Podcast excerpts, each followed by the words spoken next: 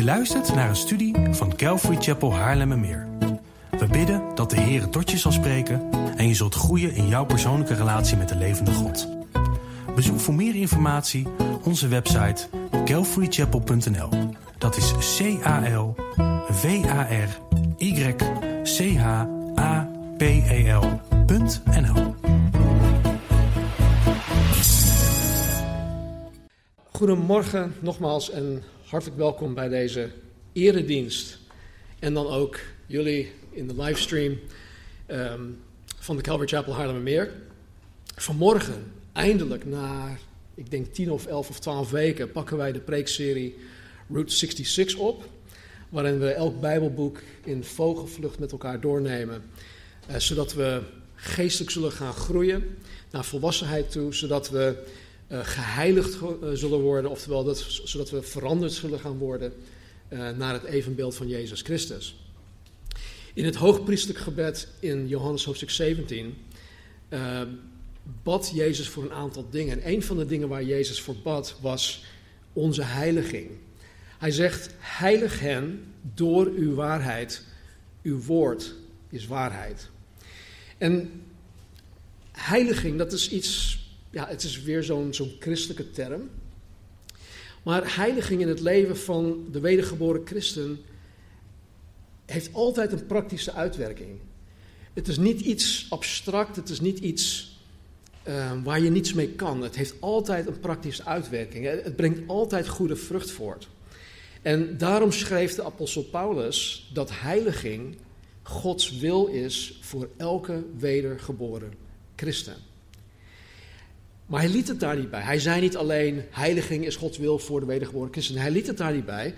Hij, hij schreef ook hoe een geheiligd leven eruit hoort te zien. Of hoe het eruit ziet. En dan zegt hij in 1 Thessalonicense 4, vers 3 tot, tot en met 8 dit.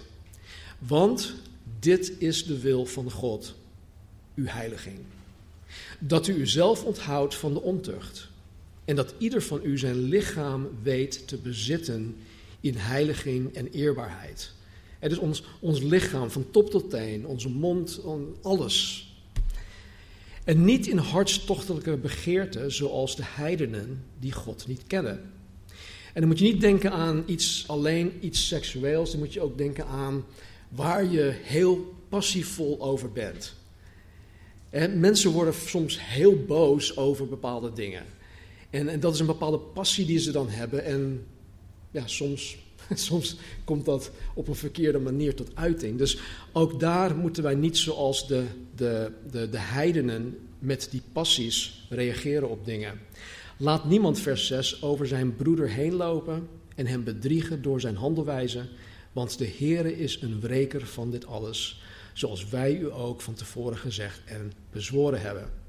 Want God heeft ons niet geroepen tot onreinheid, maar tot leven in heiliging. Daarom, wie dit verwerpt, verwerpt niet een mens, maar God, die ook zijn Heilige Geest in ons heeft gegeven. Nou, dit is natuurlijk niet een complete lijst van hoe een geheiligd leven eruit ziet, maar jullie snappen het wel. Gods wil voor jou en voor mij is dat wij door het woord van God en door de Heilige Geest van God geheiligd worden. En waar dat op neerkomt is dat, ja, dit klinkt heel basic, maar God wil gewoon betere mensen van ons maken. God wil dat wij betere mensen, betere vertegenwoordigers van Hem worden. Vandaar onder andere de Route 66 serie. Nou, vandaag gaan we verder met, de, met wat de poëtische boeken genoemd worden, of ook de wijsheidsliteratuur. En dit zijn dan de boeken uh, Job, Psalmen, Spreuken, Prediker en Hooglied. De poëtische boeken behelzen een, een hele lange tijdspanne van zo'n 1575 jaar. Vanaf de tijd van de aartsvader Abraham uh, tot aan de tijd van Nehemia. En we zouden, wat ik laatst ook zei bij, Job, we zouden uh, de vijf poëtische boeken als een laag bovenop de, de Torah, de Pentateuch, en op de historische boeken kunnen leggen. Want al die dingen in de poëtische boeken vinden plaats in die tijdspannen. Nou, als laatste in de serie hadden wij Job behandeld. en vandaag de psalmen. Het Bijbelboek Psalmen behelst een tijdspanne van zo'n duizend jaar. En wij zouden het als een laag bovenop de tijd van Mozes tot aan de tijd van Nehemia kunnen leggen. Um, ja, als jullie deze slides willen hebben, dan uh, schiet me even aan. Nou, nog iets is dat, um, alhoewel de psalmen vaak de psalmen van David genoemd worden, is dat niet uh, helemaal juist. Want er zijn namelijk meerdere auteurs. Uh, je hebt bijvoorbeeld koning David, maar je hebt ook een zekere Asaf. Hij was een aanbiddingsleider van koning David.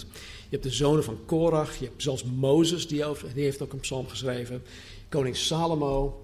Heman, uh, wat in het Engels He-Man heet, dat is een beetje krachtiger. Uh, Ethan de Ezra, Ezraïd. En wellicht ook Ezra, die, um, waarvan ik persoonlijk denk dat hij Psalm 119 geschreven heeft. En dan de overige 47 psalmen, die zijn anoniem, die hebben geen um, opschrift voor wat betreft een auteur.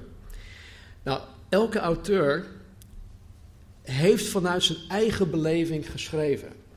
Dus het was niet een of andere theorie, het was echt persoonlijk. Het kwam vanuit de beleving van die persoon.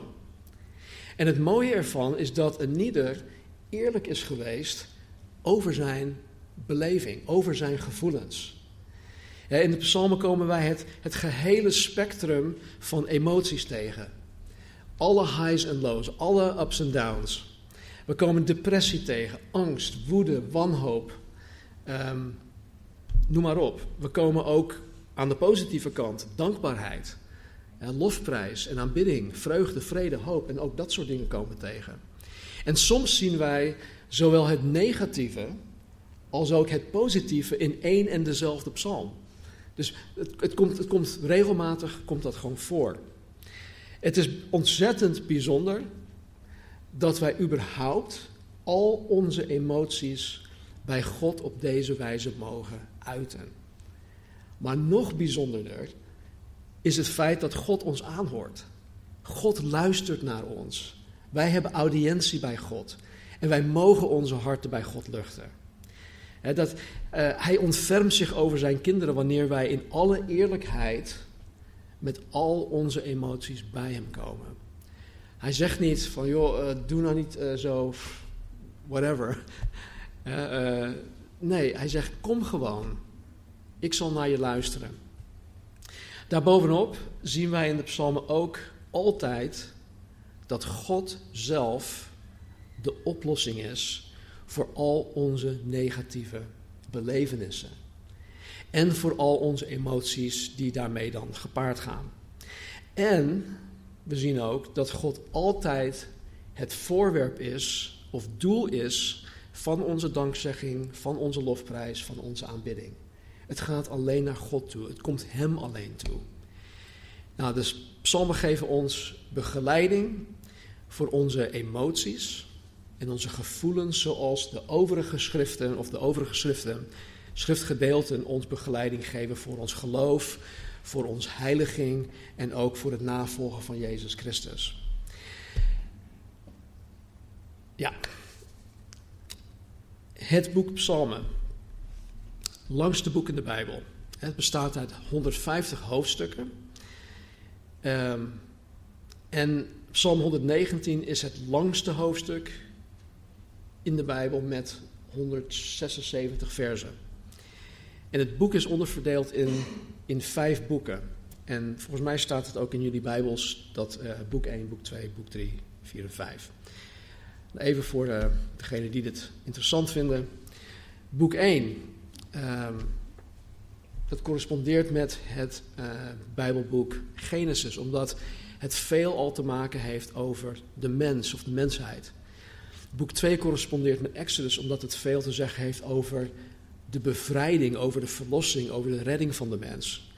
Boek 3 correspondeert met Leviticus omdat het veel te zeggen heeft over de tempel als schuilplaats en het heeft al veel te maken met aanbidding. Boek 4 correspondeert met Numeri omdat het veel te zeggen heeft over, over onrust en, en zwerven.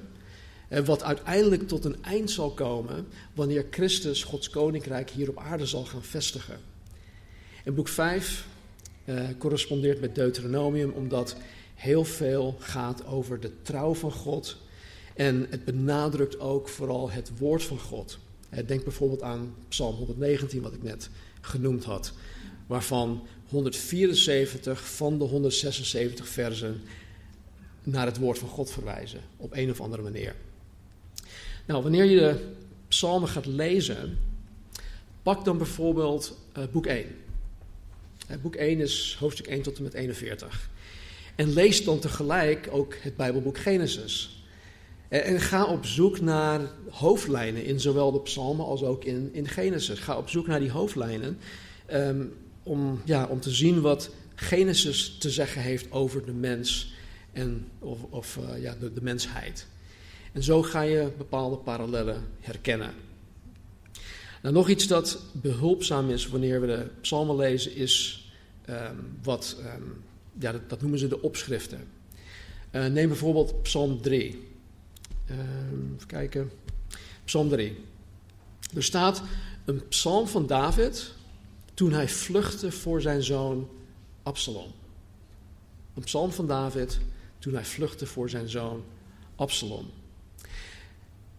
Nou, als je de, de vertelling van David en Absalom niet kent, dan zal deze psalm minder impact op je hebben. maar als je weet waar koning David precies mee te maken had en wat er in hem omging, toen die dingen allemaal gebeurden, dan zal Psalm 3 veel meer voor jou gaan betekenen. Dan zal het ook echt veel meer gaan leven. En deze specifieke opschriften, waar het dus staat, dit gebeurde tijdens dit en dat, zijn dus handig als je de emotie van de schrijver zelf wil gaan voelen. En als je jezelf in de schrijver wil gaan verplaatsen, het heeft, dan heeft het veel meer impact op jou.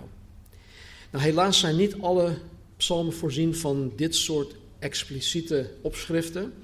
Er zijn slechts 14 uit de 150 die dit dan wel hebben. Uh, eh, 52 psalmen hebben opschriften zoals een psalm van David. That's it. Of een psalm van Asaf. En that's it.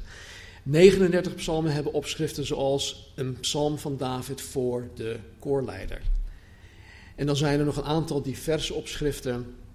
En zijn, dan zijn er ook zelfs 34 psalmen die helemaal geen opschrift hebben.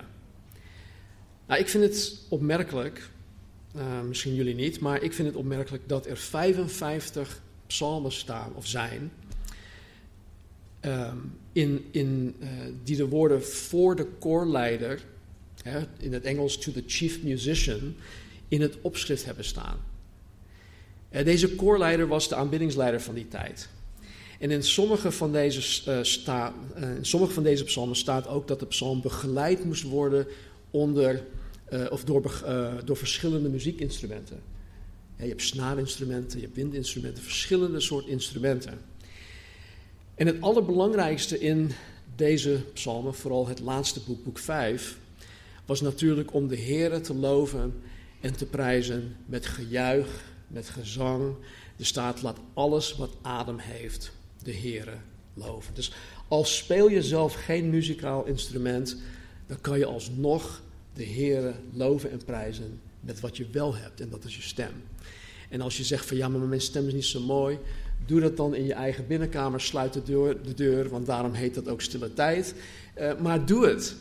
Uh, ik vraag me af wie van jullie uh, tijdens je stille tijd ook gewoon zingen tot de Heer. Ehm, ik doe het heel vaak in de douche of onder de douche. Ehm, maar weet je, maak dit een onderdeel van je de devotion tijd. wanneer je met de Heer gaat praten, wanneer je tot hem gaat bidden, wanneer je de Bijbel opent. Zing tot de Heer. Laat alles dat adem heeft de Heer loven. Nou, op meerdere opschriften staat ook dat sommige psalmen gezongen moeten worden op bepaalde deuntjes, hè, oftewel op de melodie van. Bijvoorbeeld in het opschrift van Psalm 22 staat een psalm van David voor de koorleider op de hinde van de dageraad. Kent hier iemand dat deuntje, de hinde van de dageraad? Nee. Er staan nog meer van dit soort deuntjes waarop psalmen gezongen horen te worden. Maar het lastige, of misschien, ik denk dat het zo bedoeld is, is dat geen van deze melodieën of deuntjes nu nog bekend zijn.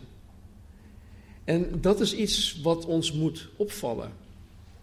Want als God dat gewild heeft, dan zou God ervoor gezorgd hebben. En zoals hij zijn woord, de Bijbel, heeft behouden en bewaard en doorgegeven, had hij die deuntjes ook doorgegeven kunnen hebben als hij dat zo gewild heeft. En voor mij persoonlijk geeft dit aan dat de muziekstijl of de genre mag variëren zolang de inhoud behouden blijft.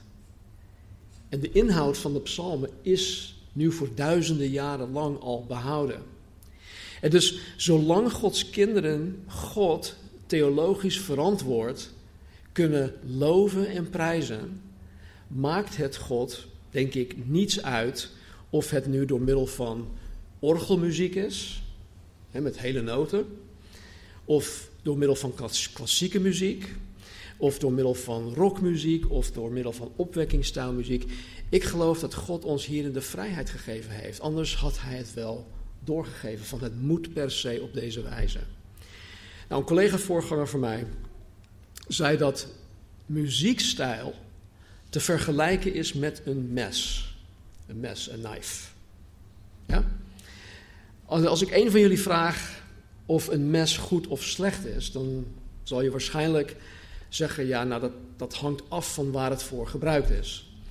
Eh, want een mes kan zowel voor een, ja, kan het goed doen, maar je kan ook veel kwaad doen met een mes. En zo ook denk ik met de verschillende muziekstijlen. Zolang de muziekstijl dient om de levende God van de Bijbel te danken, te eren, te verhogen, te verheerlijken, te loven, te prijzen, dan is dat goed. De keuze van muziekstijl is trouwens een van de meest betwiste onderwerpen in de kerk van vandaag. Dat, dat, dat gaat al ja, eeuwen terug. Eh, de een wil dit, de ander wil dat. De een wil dat, ja, vindt dat de muziek te hard is. De ander wil dat het zachter wordt, of, hè, of vindt de muziek te zacht. Voor de een is de muziek te opwekkend en voor de ander is de muziek weer te saai. Voor de een is de muziek te oudbollig en voor de ander is het weer te modern. En ga zo maar door. Eh, mensen vinden allerlei redenen om te klagen over muziekstijl. Want ieder mens heeft zijn of haar voorkeur. Maar waar het om draait, is de inhoud. Het draait om de inhoud, niet de vorm. En helaas, vandaag de dag wordt er zoveel nadruk gelegd op vorm.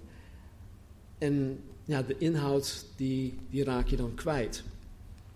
zolang de teksten theologisch verantwoord zijn, zolang Christus en God de Vader in waarheid bezongen worden, is de vorm van minder belang. En wij uh, trachten hier in, in, in de Calvary Chapel een balans te, te vinden in de muziekstijl. We proberen dat te waarborgen en we zitten ergens tussen de, de hymnes in en de, de moderne aanbiddingsliederen. Maar we zijn best wel kritisch op het gebied van, van teksten. Nou, nog iets is dat het woord Selah zo'n 72 keer in de psalmen voorkomt. En het staat er niet per se om gelezen te worden.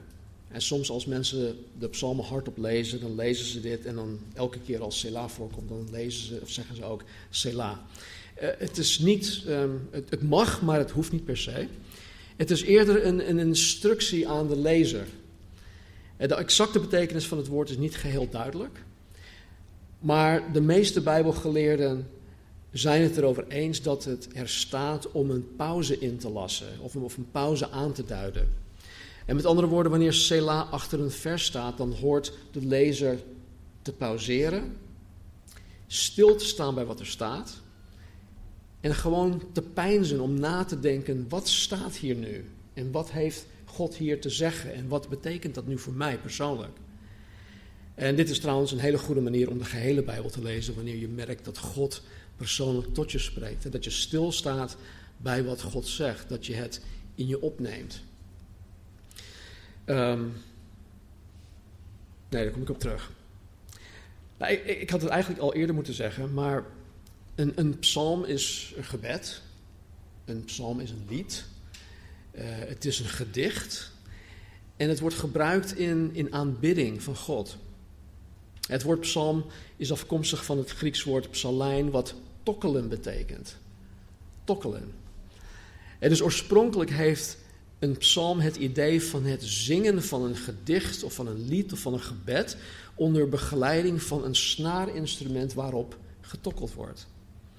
Nou, er zijn heel veel verschillende soorten psalmen. In grote lijnen zijn er klaagpsalmen, dankpsalmen en lofpsalmen. En we gaan zo meteen naar enkele voorbeelden kijken. Echt hoor, ik, ik, ja, ik kom eraan toe. Daarnaast zijn er uh, uh, psalmen waar vele mensen, vooral niet-gelovige mensen, moeite hebben. Veel mensen hebben moeite met uh, deze psalmen en dit zijn de wraak- of vervloekingspsalmen. Dat klinkt heel onchristelijk, dat klinkt totaal niet bijbels, maar ze staan er wel in. En sommigen die deze benoeming niet fijn vinden, noemen deze dan de toornige psalmen in plaats van wraak- of vervloekingspsalmen. En godzijdank zijn er ook nog de messiaanse psalmen, die ook profetische psalmen zijn, die over Jezus Christus gaan. Nou, het is onmogelijk om op één zondagmorgen recht te doen aan dit prachtige boek. Ik sla vanmorgen heel veel over, maar mijn gebed en mijn hoop is dat wij samen in ieder geval een duidelijker beeld en meer waardering zullen gaan krijgen van dit boek, waardoor we samen ook meer trek gaan krijgen om het boek te gaan lezen. Waar we samen meer trek gaan krijgen om het boek tot ons te nemen. Want het is ontzettend rijk. Nou, voordat we naar de psalmen gaan kijken, laten we de eerste 19, ja, 19 Bijbelboeken opnoemen. Ja? Oké, ja, oké. Genesis, Exodus, Leviticus, Numeri, Deuteronomium, ja, Richteren, Rut, 1 Samuel, 2 Samuel, 1 Koningen, 2 Koningen, 1 Kronieken, 2 Kronieken, Ezra, Nehemia, Esther, Job, Psalmen. Goed gedaan. Nou, in de Psalmen zien wij onder andere de meest hoog verheven lofprijzing. En dat vaak gezongen wordt vanuit de diepste menselijke moeilijkheden. En we zien echte mensen in de diepste, donkerste en slechtste toestanden. Hè, dat een mens in het leven kan ervaren. Maar tegelijkertijd komen dezelfde mensen face-to-face met Gods belofte, Gods grootste belofte. En die beloften die zijn krachtiger en machtiger. Gods beloften zijn krachtiger en machtiger dan welk menselijk beleving dan ook. Om een voorbeeld te noemen, Psalm 40, tot, uh, 1 tot en met 4. Er staat een psalm van David voor de koorleider. Lang heb ik de Heere verwacht. En hij boog zich naar mij toe en hoorde mijn hulpgeroep. Hij beurde mij op uit een kuil vol kolkend water, uit modderig slijk. Hij zette mijn voeten op een rots en maakte mijn schreden vast. Hij legde mij een nieuw lied in de mond, een lofzang voor onze God. Velen zullen het zien en vrezen en op de Heere vertrouwen. Tot zover. David zegt dat hij heel lang, okay, heel lang, vurig heeft gewacht op de hulp van de Heer. Dit geeft aan dat God niet zo snel als David het wilde ingreep. Het duurde gewoon veel te lang. Maar op Gods perfecte tijd verhoorde God Davids gebed. En God kwam hem op het juiste moment te hulp.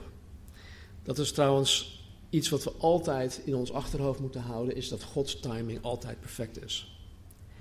God trok David, God trok David uit de put uit het modderig slijk. David bevond zich in een toestand waar hij zelf niet uit kon komen. Hij zat muurvast in zijn ellende. Hij kon er zelf helemaal niets aan doen. Het was overmacht. Maar God trok hem eruit en gaf hem grond onder zijn voeten. David wankelde dan niet, hij wankelde niet meer. David wist nu wat hij moest doen. David wist de weg. Hij zag alles weer helder. God veranderde Davids ellende in een nieuw loflied, waarmee hij de Heere loofde en prijsde.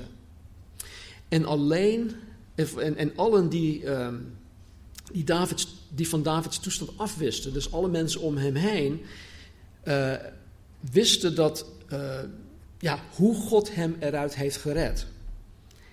En het gevolg daarvan was dat zij ontzag kregen voor God. En ze gingen op God vertrouwen. Dus mensen die, om, om, om, om, uh, mensen die, die, die, die David kenden, wisten van zijn toestand af. Ze zagen dat God ingreep, dat God hem te hulp kwam. En het gevolg daarvan was dat mensen op die God zelf gingen vertrouwen. En als je het leest, dan zie je dat David eerlijk was over zijn emoties in die toestand. En hoe hij ermee omging. En hoe God hem te hulp kwam. Dat had gevolgen voor de mensen om hem heen. Mensen gingen door de getuigenis van David, door het leven van David, op de Here vertrouwen. En daarom is het zo belangrijk om eerlijk te zijn over je situaties en omstandigheden. En hoe je je daarin voelt. Want dan ben je pas echt. Ik heb het wel eens vaker gezegd, wanneer mensen hier de, deuren binnenkomen, dan hebben ze hun zondagmasker op. En het is juist zo belangrijk dat wij echt zijn naar elkaar toe. want dan kunnen we pas een echt gesprek met elkaar voeren. Wanneer wij echt zijn, kunnen wij pas echte gesprekken met onze buren voeren, of met onze familieleden, of wie dan ook, onze collega's, onze klasgenoten of schoolgenoten. En dan bedoel ik niet dat we alle vuile was moeten uithangen. Nee, ik bedoel gewoon dat als je het idee hebt, hey, met deze persoon kan ik meer delen dan met wie dan ook. Wees daar gewoon eerlijk over.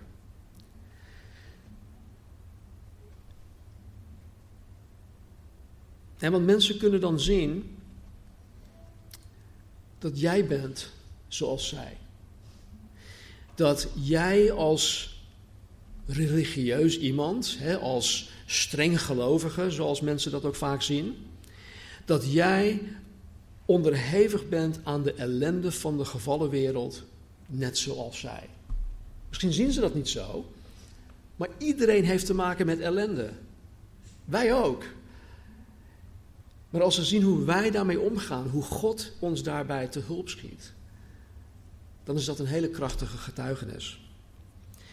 Maar zoals bij David is het zaak dat wij niet alleen onze negatieve emoties uiten, maar dat wij vooral onze ogen gericht houden op de Heer. Dat wij vooral de Heer blijven vertrouwen en dat wij ook ons vertrouwen op de Heer uiten. En niet alleen hoe slecht het met ons gaat. Dus we zien in deze psalm dat, dat David, hij, hij, hij uit zijn ellende. Maar we zien ook dat God daar dingen in verandert. En ook dat uit hij.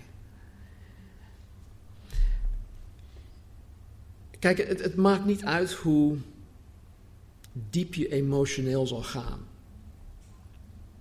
In de psalmen zal je Gods grootste belofte tegenkomen die jouw hoofd omhoog zal heffen. En die jouw diepste nood zal bedienen. En kijk, dit zijn niet zomaar theoretische beloften. Dit zijn beloften die voortkomen vanuit de werkelijkheid van echte mensen in het echte leven.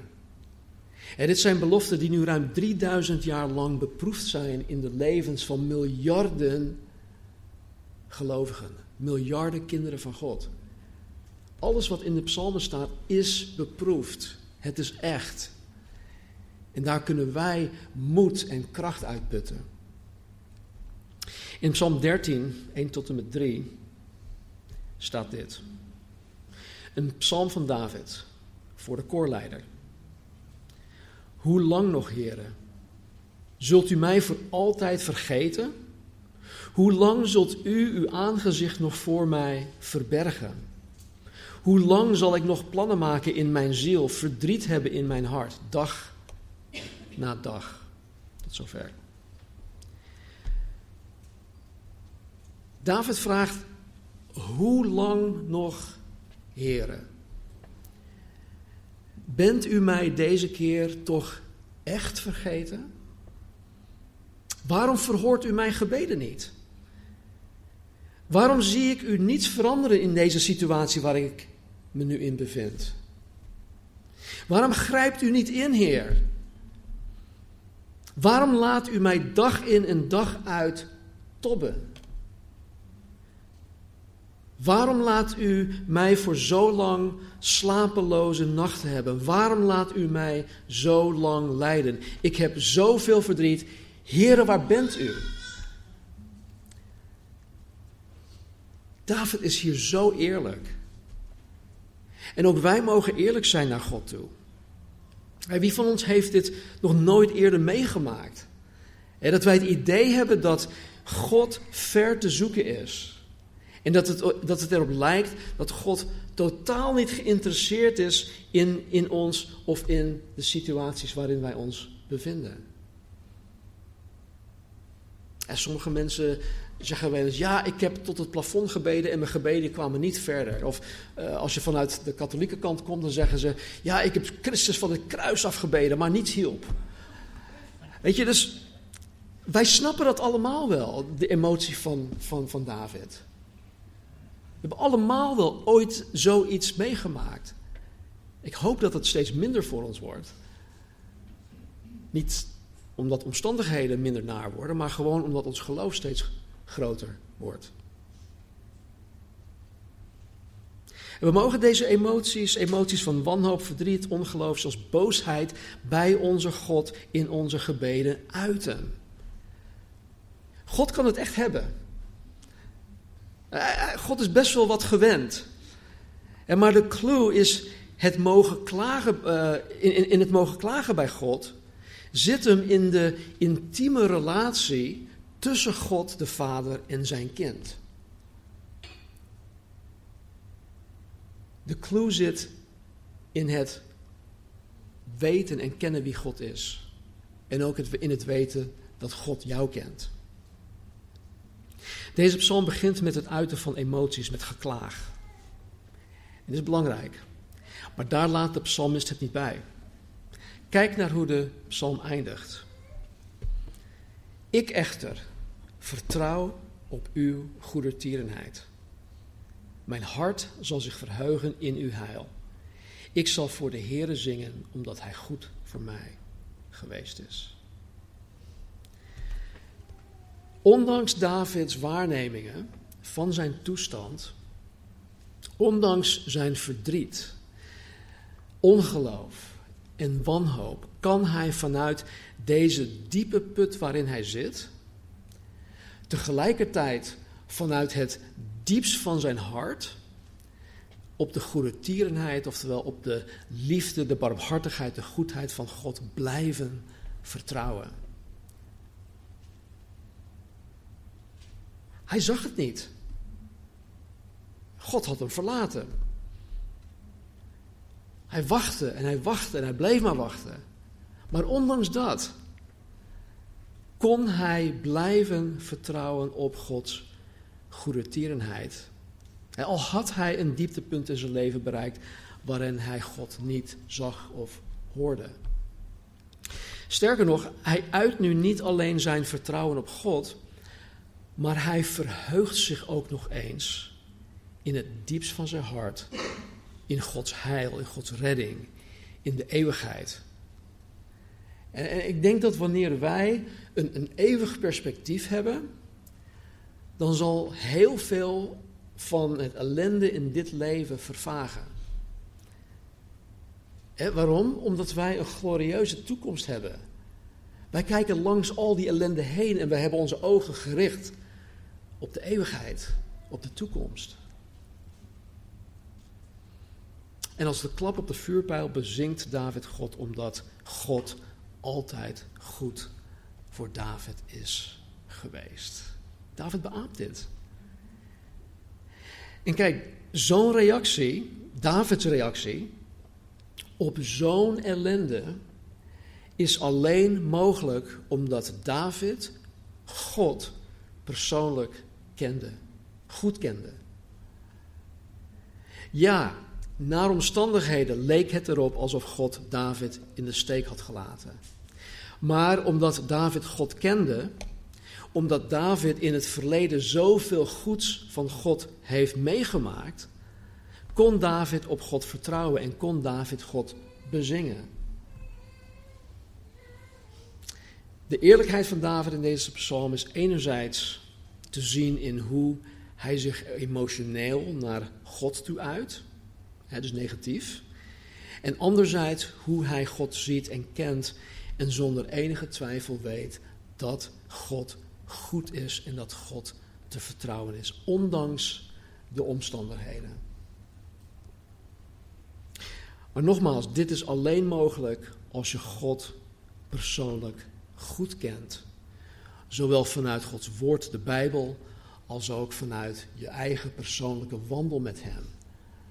Je relatie met Hem. God kennen is onmisbaar. Het is onmisbaar in het leven van de wedergeboren christen. En want als je God niet kent zoals David God kende, dan betekent wat we net hebben gelezen, vers 6, verder niets voor je. Dan zijn het mooie woorden van iemand van duizenden jaren geleden. En dan zou je je wel in vers 1 tot en met 3 kunnen vinden, in, het geklaag, want ja, we klagen allemaal. Maar dan zou je eh, eh, voor wat betreft vers 6 zoiets hebben van, nou ja, leuk voor David, maar ik zie het niet. Ik, voel het niet, ik geloof het niet.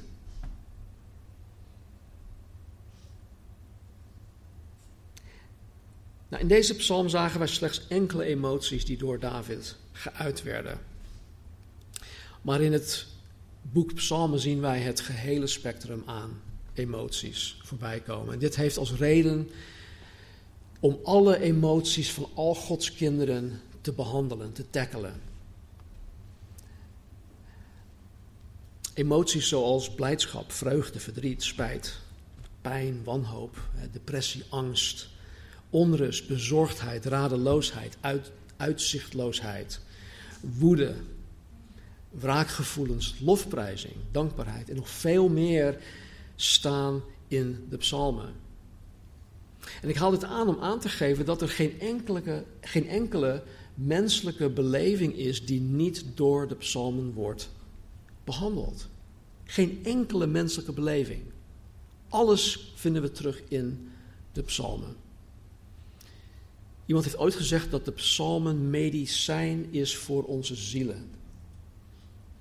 En zoals we in Psalm 13 hebben gezien, begint David in een gemoedstoestand van verdriet, van ongeloof en van wanhoop. Maar hij eindigt in een gemoedstoestand van vreugde, lofprijs en aanbidding. En weet je, dat wil ik voor mezelf. Ik wil dat zo graag. Ik wil niet blijven steken in het klagen. Ik wil daar uitgetild worden door de almachtige God van de Bijbel. Ik wil daar uitkomen en ik, en ik wil een gemoedstoestand hebben van, van vrede, van, van rust en van vreugde en van dankbaarheid. Wat zich dan spontaan uit in lofprijs en aanbidding. Ik wil dat. Ik, ik, ik ervaar het niet altijd zo. Soms blijf ik nog veel te lang steken in, in het negatieve.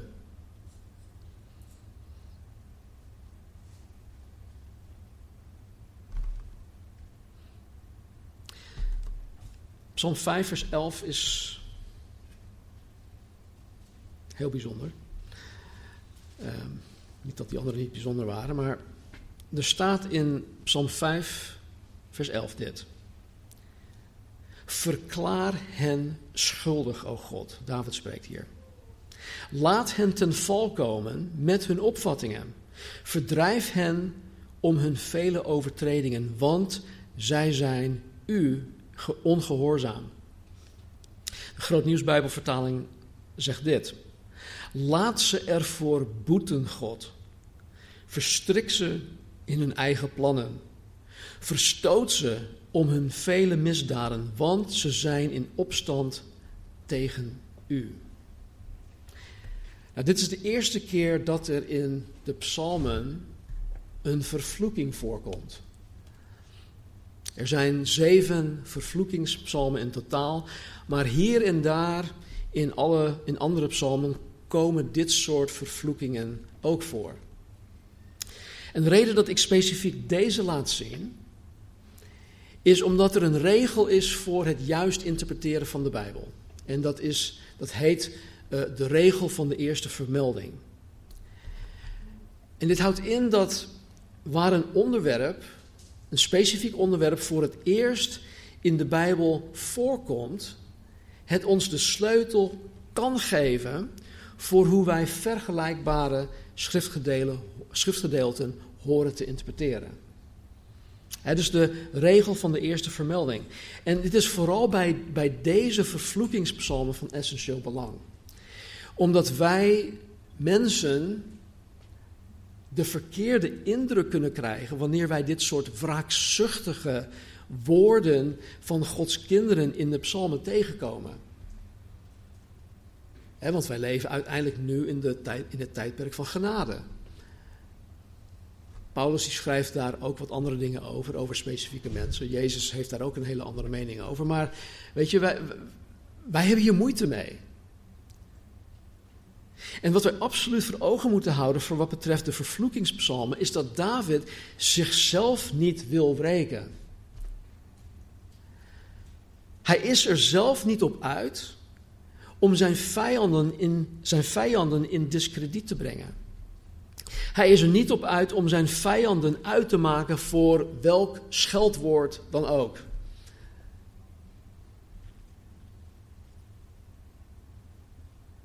Hij is er niet op uit om hen zelf te lijf te gaan. Nee. David schrijft vanuit een gevoel van, van rechtvaardigheid. Goddelijke, bijbelse rechtvaardigheid. Hij is zo nauw verbonden met de heilige en rechtvaardige God van de Bijbel, dat hij het niet kan uitstaan om te zien dat de goddelozen om hem heen, die zich tegen God rebelleren, dat, dat die ermee wegkomen. Hij heeft zo'n rechtvaardigheidsgevoel.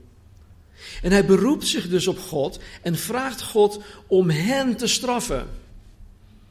Maar nogmaals, niet omdat zij David persoonlijk hebben gekrenkt of benadeeld, maar omdat, zij, omdat deze mensen God ongehoorzaam zijn. omdat ze tegen God rebelleren. Er staat, want zij zijn u ongehoorzaam. Ze zijn in opstand tegen u.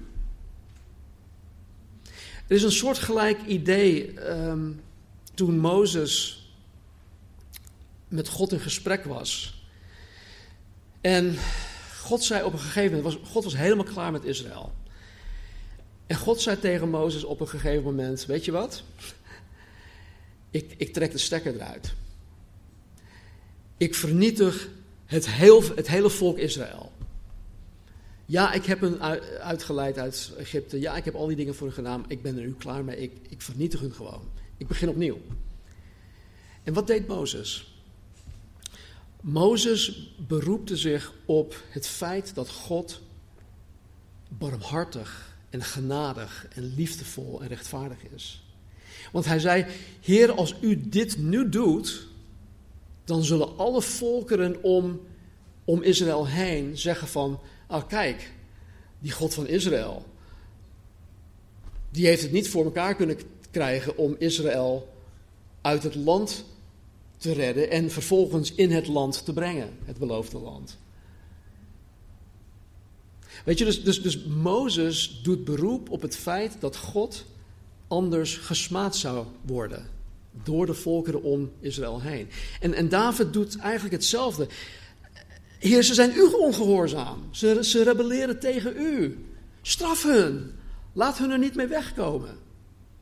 Dat is dan de, de, de motivatie van David in het schrijven van deze vervloeking of wraaks. En, en alhoewel dit specifiek element niet in alle vervloekingspsalmen voorkomt, kunnen wij op basis van de regel van de eerste vermelding met een gerust hart weten dat dit dus de motivatie is van die wraakpsalmen.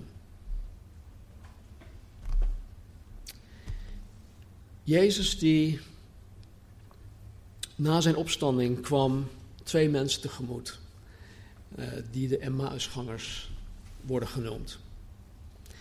En ze wisten in eerste instantie niet wie Jezus was en hij begon hun te vertellen over heel veel dingen en op een gegeven moment begon hij over zichzelf te vertellen vanuit het Oude Testament, de wet, de profeten en dan nog een boek.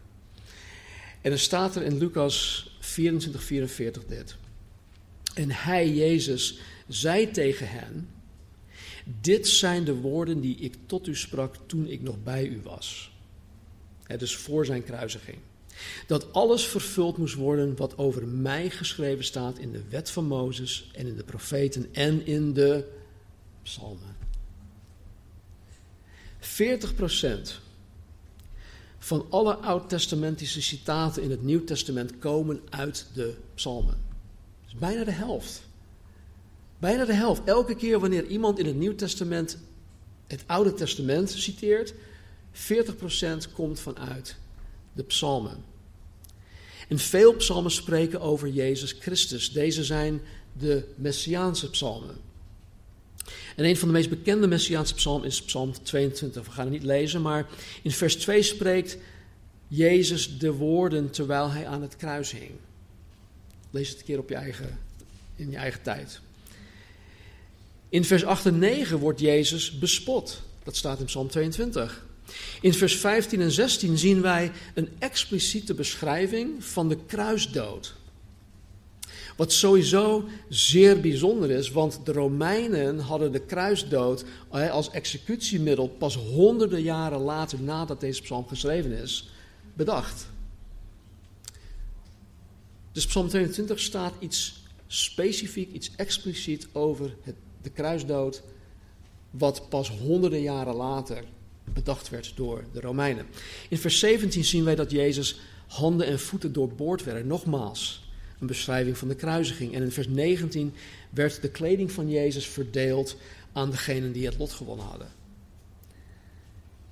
Nou, er zijn in totaal 17, 17 uh, Messiaanse psalmen.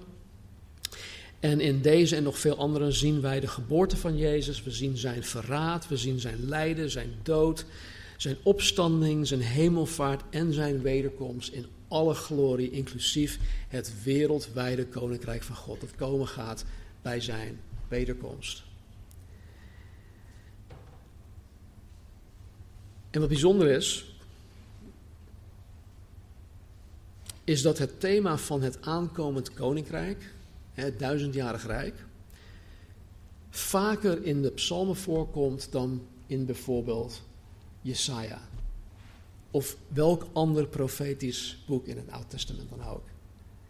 Er wordt meer over het duizendjarig rijk gesproken in de psalmen dan elk ander profetisch boek. Nou, tot slot dit.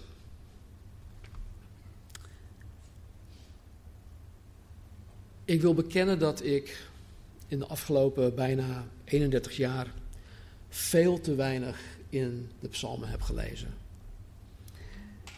Uh, ik sprak vanmorgen Taken nog even hierover. Uh, wat, wat, was mijn, een van mijn takeaways van de voorbereiding? En een van die takeaways van de voorbereiding is dat ik gewoon niet genoeg in de psalmen heb gelezen. In de 31 jaar dat ik nu christen ben. Ik ben van nature meer analytisch hè, dan artistiek. En het poëtische is voor mij gewoon moeilijker te volgen. Het is moeilijker om het me eigen te maken. Uh, Marnie die, die schrijft verschillende um, poems, hoe heet dat? Gedichten. Ja, poëzie. En ze schrijft over haar relatie met God. Ze schrijft, ze schrijft dat over gezin, maar ook haar relatie met mij. En het zijn prachtige woorden die vanuit het diepst van haar hart komen. Maar soms heb ik zoiets van: wauw, dat is mooi. Maar daar blijft het dan ook bij. Weet je, ik heb, ik heb, er is iets gewoon, ik mis iets hier, wat dat betreft. Ik heb bijvoorbeeld meer aan, of ik ben meer geneigd om bijvoorbeeld de prachtige theologische en leerstellige uiteenzettingen van de apostel Paulus te gaan lezen. Uh, dat, dat boeit mij gewoon meer. Dus wat ik hier, ja, wat voor mij persoonlijk, um, wat ik persoonlijk hier, hier uithaal, is dat ik gewoon meer in de psalmen moet gaan lezen. Want ik, ik, ik ben tot de conclusie gekomen dat ik veel te weinig over de psalmen weet. Dus ik wil jullie vragen om mij aan te sporen om elke dag ook uit de psalmen te gaan lezen. Hoe je dat doet, maakt mij niet uit. Maar help mij daarbij. Want ik heb het gewoon nodig. Kijk, er zijn zoveel prachtige en impactvolle psalmen dat het onmogelijk is om te zeggen dat er één echt uitspringt als de beste. Maar hoe dan ook, zullen, we, zullen, we, eh, zullen wij vanmorgen eindigen met, um, met een aantal woorden uit Psalm 19. Dat sprong er bij mij in ieder geval uit. En dat is Psalm 19, vers 15. Laat de woorden van mijn mond en de overdenking van mijn hart welgevallig zijn voor uw aangezicht, heren. Mijn rots en mijn verlosser. Laat de woorden van mijn mond en de overdenkingen van mijn hart welgevallig zijn voor uw aangezicht, heren. Mijn rots en mijn verlosser. Laten we bidden. Hemelse Vader, laat de woorden van mijn mond en de overdenkingen van mijn hart u welgevallig zijn. Mijn rots en mijn verlosser. Dank u Heer voor de echte mensen in echte levensomstandigheden. Die vanuit hun vreugde, vreugde en vrede en ook uit hun ellende deze psalmen hebben opgeschreven. En dank u wel dat ze nu al 3000 jaar lang door miljarden gelovigen, door miljarden kinderen van God beproefd zijn. Dank u wel dat wij hieruit mogen leren. Dank u wel dat u door deze psalmen tot ons spreekt. En Heer, help niet alleen mij, mijn persoon, om meer in de psalmen te gaan lezen, maar help ons allen. Heer, al is het één psalm per dag, help ons om daarbij stil te staan. Help ons om te lezen, help ons om deze tot ons te nemen, help ons om te zien wat u daar precies mee bedoelt.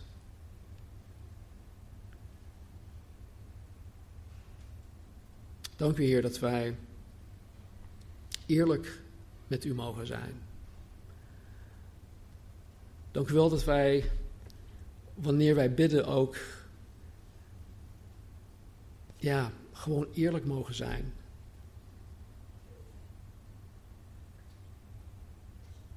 Dank u wel, Heer, dat u ons niet afwijst. Dat u ons niet zat wordt. Dank u wel dat u begaan bent met al onze rotzooi.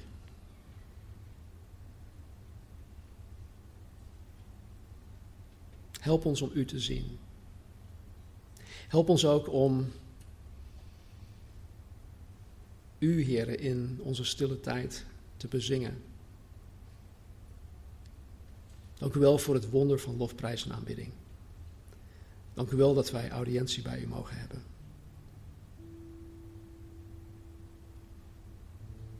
Laat de woorden van mijn mond en de overdenkingen van mijn hart welgevallig zijn voor u, Heer. Mijn rots en mijn verlosser. In Jezus' naam. Amen.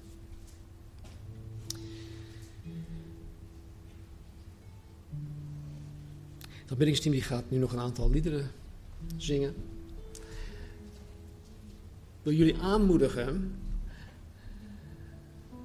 om mij niet alleen aan te moedigen om de psalmen te lezen, maar ook om zelf de psalmen te gaan lezen.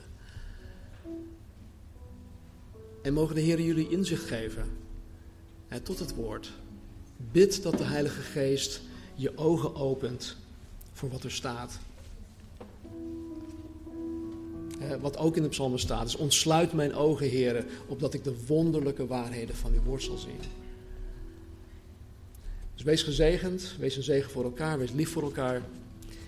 Een uh, gezegende week, geniet van het mooie weer. En uh, tot volgende week. life of Buddha Fellowship. Thank you, Real.